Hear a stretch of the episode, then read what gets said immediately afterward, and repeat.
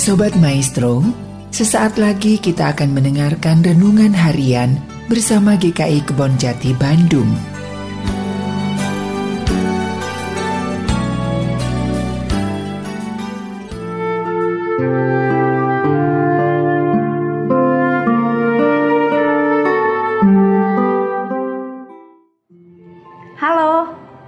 Senang sekali kita dapat berjumpa kembali dalam program Renungan Harian GKI Kebon Jati bersama saya, Eriwati.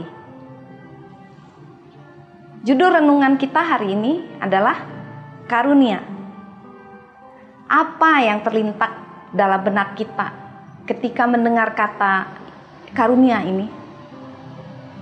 Dan apakah karunia merupakan pemberian Allah kepada kita? Atau karena usaha kita semata.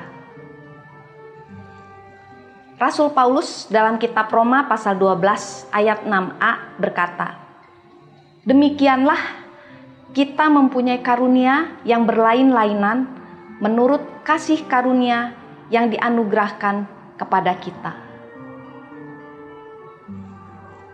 Tiap-tiap orang mempunyai karunia yang berlainan menurut kasih karunia yang dianugerahkan Allah kepada kita.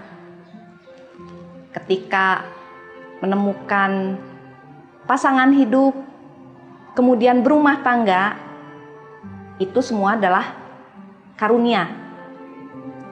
Pintar menyanyi, memainkan alat musik, merangkai bunga, itu juga merupakan karunia.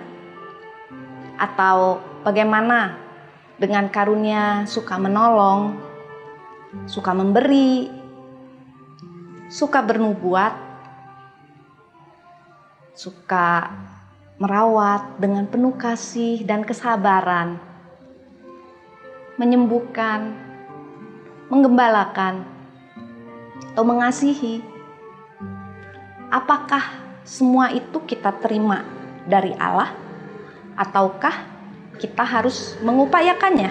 Dari bacaan kita jelas tertulis bahwa karunia bukan hasil usaha manusia, melainkan pemberian Allah. Namun, Rasul Paulus juga mengingatkan kepada jemaat di Korintus agar berusaha memperoleh karunia seperti yang tertulis dalam 1 Korintus 12 ayat 31a. Jadi, berusahalah untuk memperoleh karunia-karunia yang paling utama. Dengan kata lain, sebuah karunia bukan hanya pemberian Allah yang tinggal kita terima secara pasif, melainkan perlu juga diusahakan secara aktif. Mahir musik, misalnya, itu adalah karunia. Namun, orang yang bersangkutan perlu berusaha. Karunia tidak turun begitu saja dari langit. Pemusik harus banyak belajar, berlatih, dan berjuang. Sejak kecil, dia sudah berkorban dan menderita untuk berlatih. Karunia juga tidak datang mendadak, melainkan tumbuh dalam proses waktu.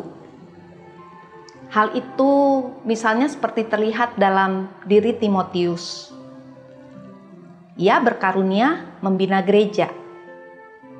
Ternyata dari masa kecil karunia itu sudah diletakkan fondasinya. Sejak kecil ia mendapat pendidikan yang kondusif dari ibu dan neneknya. Sejak kecil ia suka membaca sastra rabi yang pada waktu itu disebut tulisan suci. Sejak masa muda, ia berminat dan berprakarsa mengikuti kegiatan di gereja Listra. Dan sejak muda, dia mempunyai reputasi yang baik di kalangan umat. Dari Timotius dan banyak contoh lain di Alkitab menunjukkan bahwa karunia-karunia rohani bukan pemberian mendadak, melainkan pemberian melalui pembibitan. Karunia adalah lalu lintas dua arah. Allah memberikan dan manusia mengupayakan. Manusia berperan serta dengan menyediakan lahan bagi pembibitan karunia. Kemudian menyuburkan, mengembangkan, dan membuahkannya dalam karya. Allah hanya menolong orang yang mau menolong dirinya sendiri. Allah hanya memberi karunia kepada orang yang mau bekerja keras mengembangkannya. Karunia tanpa upaya adalah karunia yang terpendam. Apa gunanya biji yang terus terpendam dan tidak menjadi kecambah, tidak menjadi tanaman? tidak bertumbuh, apalagi berbuah. Itu semua menjadi tidak berguna, sia-sia. Bagaimana dengan kita? Mari kita menerima dan mengoptimalkan karunia yang sudah Tuhan berikan bagi kita. Tuhan Yesus memberkati.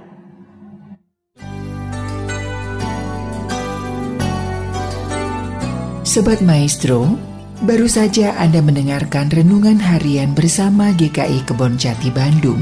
Tuhan Yesus memberkati.